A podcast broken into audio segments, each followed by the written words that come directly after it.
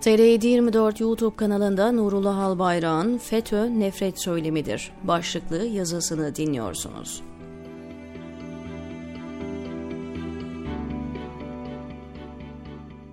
Mecliste sabahtan akşama kadar yapılan şu, sen FETÖ'cüsün ben değilim, vay sen bana FETÖ'cü dedin, vallahi ben FETÖ'cü değilim, sen zaten FETÖ'cüydün, vallahi billahi tallahi FETÖ'cü değilim, ben değil seni FETÖ'cülerle dolaşırken görmüşler vesaire vesaire.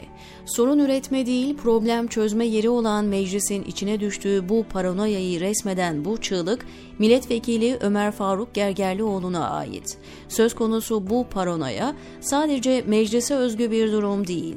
Siyasi rakipler arasındaki çekişmelerden, karı koca kavgalarına, bürokrasideki koltuk kavgalarından, şirketlerin ticari rekabetlerine, uluslararası krizlerden, medyadaki polemiklere, yargılanmaktan kurtulma çabalarından intikam operasyonlarına, futboldan magazine çok geniş bir yelpazeyi etkisi altına almış durumda. Darbe girişimi sonrası birkaç ayda binlerce kişi FETÖ'cü suçlamasıyla güvenlik birimlerine yapılan çoğu da asılsız çıkan ihbarlara konu edildi ve insanlar mağdur edildi.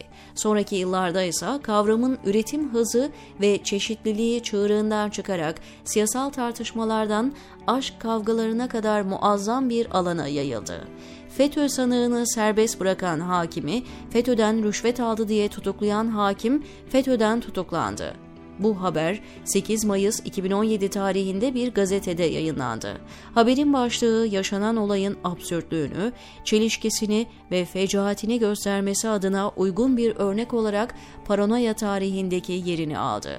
FETÖ'nün siyasi ayağı tartışmalarına hemen hemen bütün siyasi partiler katılmakla beraber asıl gerçek FETÖ'cü kim kavgası AKP ve CHP arasında ve MHP ile İyi Parti arasında uzun süredir devam etmektedir. AK Partililer CHP'yi FETÖ ile işbirliği içinde olmakla suçlamakta, CHP'liler ise AK Partilileri FETÖ'nün siyasi ayağı olmakla itham etmekte. Devlet Bahçeli, Meral Akşener'in Cumhurbaşkanlığı adaylığı için gereken 100 bin imzanın FETÖ'cü seçmenler tarafından toplandığını söylerken, Akşener de Bahçeli ve Genel Başkan yardımcılarının yolsuzluk operasyonlarına destek verdiği için FETÖ'cü olduğunu söylemiştir. İktidar ve muhalefet partileri arasında yaşanan polemiğin ve konunun geldiği noktanın çarpıklığının somut örneği en son İstanbul Büyükşehir Belediye Başkanlığı seçiminde görülmüştü. Tarafların birbirine yönelik suçlamaları sonucunda ortaya şöyle bir durum çıkmıştı. Seçimde yarışan iki adaydan ikisi de FETÖ'cü. İki rakip siyasi partide FETÖ'cü, iki tarafta FETÖ'cü slogan ve taktikleri kullanıyorlar. Hem İmamoğlu'nun kazandığı seçimi organize eden seçim kurulları hem de Erdoğan'ın kazandığı seçimi yöneten seçim kurulları FETÖ'cü hem seçimin iptali yönünde olumlu oy kullanan hem de olumsuz oy kullanan YSK üyeleri FETÖ'cü. Seçimin iptalini destekleyenler de desteklemeyenler de FETÖ'cü ve son olarak FETÖ hem seçimin iptal edilmesi için uğraşıyor hem de iptal edilmesine üzülüyor. Yaşanan bu çarpıklığı ve hukuksuzluğu sonlandırması gereken partiler ne yazık ki bugün de aynı zihniyetle hareket etmeye devam ediyor. İstanbul Büyükşehir Belediye Başkanı Ekrem İmamoğlu ile İçişleri Bakanı Süleyman Soylu arasında yaşanan laf dalaşını hep birlikte izliyoruz. İki tarafta en temel insan haklarını yok sayarak birbirlerine ithamlarda bulunuyor. Suçun şahsiliği, masumiyet karinesi gibi en temel hukuk ilkeleri yokmuş gibi açıklamalara ve suçlamalarda bulunmaya devam ediyorlar. Yaşanan bu laf dalaşında Soylu ve AKP'liler İstanbul Büyükşehir Belediye Başkanı Ekrem İmamoğlu'nu FETÖ'cü olmakla suçlarken İmamoğlu ise asıl kendisine FETÖ'cü diyenlerin geçmişte FETÖ ile beraberliklerine vurgu yaparak AKP'lileri FETÖ'cü olmakla suçluyor. Kardeşlerin iltisakından, irtibatından bahsederek terör örgütlerini desteklemekle itham ediyorlar. Bir tarafın şehit kardeşi dediğini, diğer taraf terör örgütü mensubu diyor.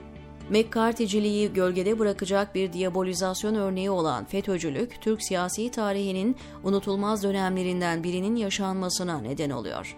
Nefreti kışkırtmanın en ciddi yöntemi olarak kullanılan bu kavram, dizginlerinden boşalarak sahibini de altına alarak hızla ilerlemeye devam ediyor.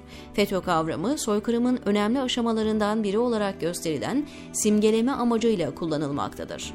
Gerçi kavramın kapsamı cemaat üyelerinden çok daha fazlasını ifade edecek kadar genişlemiş olmasına rağmen yine de kavram her geçen gün işlevselliğini artırmaya devam ediyor. Açık bir nefret söylemi olan FETÖ kavramı, toplumsal barışın ve kamu düzeninin önündeki en büyük engellerden biri haline gelmiştir. Bu gerçeği görmeyen sadece kendisine değil, tüm topluma çok büyük zarar vermeye devam etmiş olacaktır, diyor Nurullah Albayrak, TR724'deki köşesinde.